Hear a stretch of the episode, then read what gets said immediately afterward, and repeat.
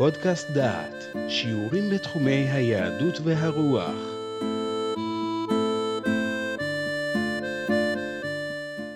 יהושע, פרק ב' משלוח המרגלים לפי מסורת חז"ל, ספר יהושע מתחיל בשנת 2488 לבריאת העולם, שהיא שנת 1272 לפני הספירה הנוצרית.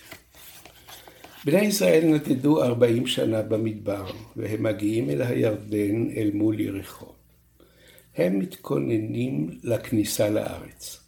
משה מת, יהושע ירש את מקומו, והוא שולח שוטרים להודיע במחנה ישראל.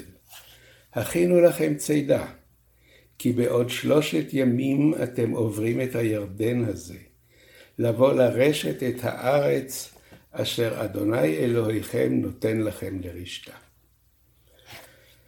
במשך שלושת ימי ההכנה לכניסה לארץ, שולח יהושע מרגלים לראות את הארץ. ארבעים שנה לפני כן, כאשר עמדו ישראל להיכנס לארץ מיד בצאתה ממצרים, שלח משה מרגלים. הוא שלח 12 מרגלים לתור את הארץ. המסע, מסע הריגול נגמר בכישלון נורא. הם חזרו והודיעו, אז העם היושב בארץ, והערים בצורות גדולות מאוד. אחר כך יצאו המרגלים לאוהלי ישראל, ולחשו באוזני העם. הארץ אשר עברנו בה לתור אותה, ארץ אוכלת יושביה היא. וכל העם אשר ראינו בתוכה אנשי מידות. התקלה הזאת, הדיווח הזה, עיכב את הכניסה לארץ בארבעים שנה. כאשר שמע העם את דברי המרגלים, הם בכו כל הלילה, ולמחר התלוננו על משה ועל אהרון, ואמרו להם, לו מתנו בארץ מצרים, או במדבר הזה לו מתנו, ולמה אדוני מביא אותנו אל הארץ הזאת לנפול בחרב? נשינו וטפינו יהיו לבז, הלא טוב לנו שוב מצרימה. והתשובה של משה והגזירה, חי אני נאום אדוני, אם לא כאשר דיברתם באוזני, כן אעשה לכם. במדבר הזה יפלו פגריכם, וכל פקודיכם לכל מספרכם. מבין עשרים שנה ומעלה, אשר הלינותם עלי.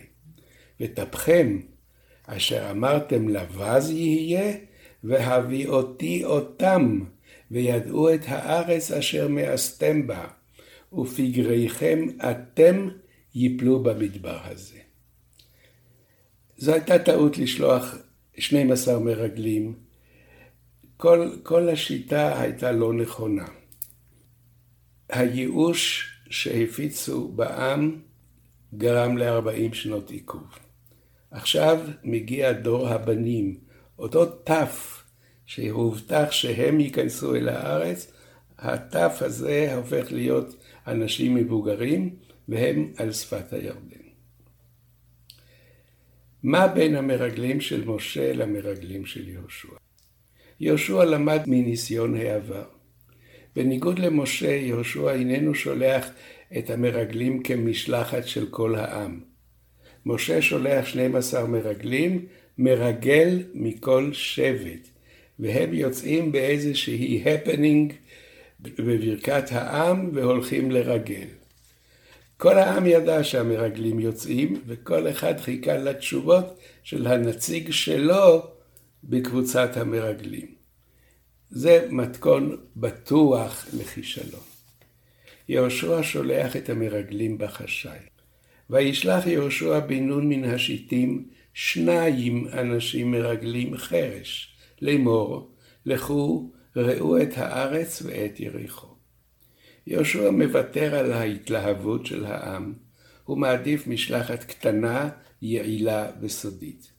גם ההוראות שנתן משה שונות מאוד מאלה של יהושע.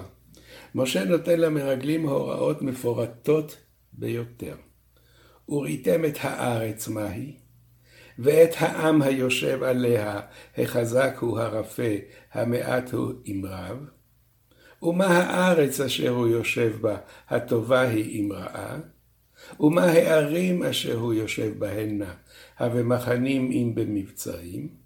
ומה הארץ השמנה היא אם רזה, היש בה עץ, אם אין, והתחזקתם ולקחתם מפרי הארץ.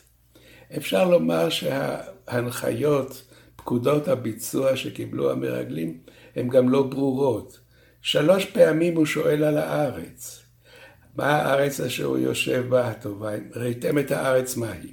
ומה הארץ הטובה אם רעה? ומה הארץ השמנה אם רזה? אפשר למצוא תכנון מדוקדק אם מעיינים יפה בדברי משה. אבל בסך הכל הוא נתן יותר מדי משימות, יותר מדי שאלות, והסוף היה כפי שראינו. המרגלים היו ארבעים יום בדרכם, מרגלי משה. יהושע שולח את המרגלים לשליחות קצרה נקודתית. הם מקבלים הוראות קצרות, לכו ראו את הארץ ואת יריחו. הם לא עושים סיבוב בכל הארץ, הם עוברים את הירדן ומגיעים ליריחו, מרחק קצר ביותר. למרגלים אין זמן להתעכב, העם כבר קיבל את פקודת יציאה. נאמר לעם להתכונן למעבר הירדן בעוד שלושת ימים. זאת אומרת שהמרגלים חייבים תוך שלושה ימים לגמור את המשימה. אם הם לא יבואו, העם, העם יצא בלי הדוח שלהם, מפני שפקודת הקרב כבר ניתנה. יהושע שולח את המרגלים לראות את הארץ ואת יריחו. המרגלים הולכים ליריחו, אינם פונים לאזורים אחרים, די להם ביריחו, והם לומדים על המורל של אנשי יריחו, ומה שהם רואים ושומעים מספיק להם כדי להשיב לשאלותיו של יהושע. מה מיוחד ביריחו שיהושע שולח את המרגלים לרגל דווקא בה? יריחו היא העיר היפה ביותר בבקעת הירדן. עצי תמרים רבים בה היום, כפי שהיו בימי יהושע. תעלות מים חוצות את העיר. שני קילומטרים מצפון מזרח של, ליריחו של היום, חפרו את העיר יריחו העתיקה. חומות גדולות מצויות שם עד היום הזה. הוויכוח בין הארכיאולוגים אם זה בדיוק יריחו או לא יריחו, לא, לא משנה לנו הרבה. מה שחשוב הוא שאנחנו רואים שמדובר פה בעיר, אנחנו יודעים את מקומה ואנחנו יודעים את הריגול שנעשה שם. חז"ל קראו על יריחו את הביטוי יריחו היא בריחה מלשון בריח של ארץ ישראל. עיר מבצר. מי שכובש את יריחו פרץ, פרץ ויכול להיכנס לארץ ישראל כולה. הגשר החוצה את הירדן הוא ממערב יריחו. מי שרוצה להיכנס לארץ ממזרח, כמו ישראל בימי יהושע, עובר את הירדן לגשר אלנבי ומוצא את עצמו מול העיר היפה הזאת. אנחנו, בגלל הקושי לעבור את הירדן, רואים את הירדן ואת מעבר הירדן כארץ תלעובות בקצה העולם. זמן מסוים גר לידי אה, עובד או"ם, והיה יוצא בבוקר, כשדיברתי איתו, לאן אתה נוסע? הוא נוסע לרבת עמון. אז ככה עשה לי, הגבתי כאילו שהוא נוסע לקצה הארץ, הוא אומר, מה אתה רוצה? זה עשרים דקות נסיעה ואני במשרד שלי. יריחו וירדן ועבר הירדן, שטח קטן מאוד שעוברים אותו במהירות. לעיר הזאת שולח יהושע מרגלים ומקציב להם שלושה ימים. ישראל חונים בשיטים עשרים קילומטר מיריחו. על המרגלים ללכת עשרים קילומטר, לעבור את הירדן, להיכנס בהסתר ליריחו, לבדוק את העיר, לשוחח עם תושבים כדי לעמוד על הלך הרוחות ולחזור. שלושה ימי עבודה, לא יותר. המרגלים מגיעים ליריחו, והם נכנסים ללון אצל רחב הזונה. המקום הוא מתאים. הם ביקשו מקום שלא שואלים יותר מדי שאלות על האורחים הבאים אליו. ובכל זאת, בעיר קטנה, ויריחו או כל הערים באותם ימים היו ערים קטנות מבחינת כמות התושבים, אין סודות. מלך יריחו, הוא ולא אחר, שולח לרחב ופוקד עליה להוציא את האנשים, דהיינו להסגיר את האנשים, כי לכפו את כל הארץ באו. התגובה הזאת כבר נותנת למרגלים רמז מה קורה שם. שני אנשים לא ידועים באים ונכנסים ללון בבית רחב הזונה, והמלך מבקש להסגיר לו אותם. רחב מחביאה את המרגלים, היא, היא מחליטה על מסלול אחר. והיא מספרת לאנשי יריחו כי הם כבר יצאו בדרכם חזרה. האנשים רודפים אחרי המרגלים לכיוון הירדן, לכיוון מזרח, בעוד שרחב שולחת את המרגלים לכיוון ההפוך, להרים שממערב לעיר. כל מי שהיה ביריחו זוכר את הערים הגבוהים ממערב לעיר, המשואות של קידוש החודש היו שם בהרים האלה, הרים גבוהים שהם נראים למרחקים. לפני שהמרגלים עוזבים את יריחו, מסבירה להם רחב את הסיבה למעשיה, וההסבר שנותנת רחב מספיק למרגלים כדי לדעת ששליחותם בוצעה. הם יודעים כל מה שמרגל צריך לדעת, והם יכולים לדווח ליהושע ולמסור לו ידיעות שכל צבא היוצא להתקפה יהיה מאושר לשמוע אותם. וכך אומרת רחב למרגלים. ידעתי כי נתן אדוני לכם את הארץ, וכי נפלה אימתכם עלינו. וכי נמוגו כל יושבי הארץ מפניכם. כי שמענו את אשר הוביש אדוני את מי ים סוף מפניכם, בצאתכם ממצרים, ואשר עשיתם לשני מלכי האמורי, אשר בעבר הירדן, לסיחון ולעוג, אשר החרמתם אותם. ונשמע, וימס לבבנו, ולא קמה עוד רוח ואיש מפניכם, כי אדוני אלוהיכם הוא אלוהים בשמיים ממעל ועל הארץ מתחת. ורחב מוסיפה בקשה אישית. היא רוצה להציל את עצמה ואת משפחתה. מישהו יכול לחשוב שהיא בגדה בעמה והיא רוצה להציל את עצמה על חשבון העיר כולה. מישהו אחר יכול לומר, היא יודעת מה המצב, היא מאמינה שדבר השם וההבטחה הן משמעותיות ועל כן אין טעם לעמוד מולו, והיא מבקשת.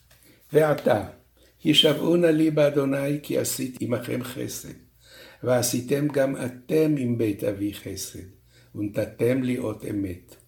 והחייתם את אבי ואת אמי ואת אחי ואת אחיותיי ואת כל אשר להם, והצלתם את נפשותינו ממוות.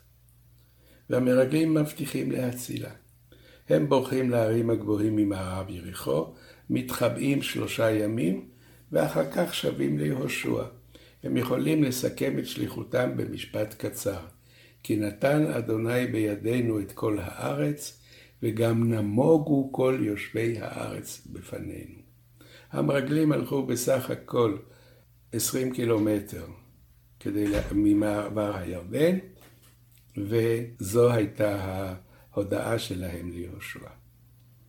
מתשובתם של המרגלים אנו מבינים מה רצה יהושע לדעת. הם היו צריכים להודיע על המורל של העם. האם אנשי יריחו הבצורה והחזקה מוכנים להילחם, או שהם מבוהלים ומיואשים? המרגלים השיבו את התשובה שיהושע חיכה לה. וגם נמוגו כל יושבי הארץ מפנינו. יושבי הארץ מבוהלים. השלב הראשון והחשוב לפני המלחמה הארוכה העומדת לפניהם הושג. לא תהיה מלחמה של אויב הנלחם בכל כוח ובאמונה בניצחונו, לפניהם אויב מפוחד ומבוהל.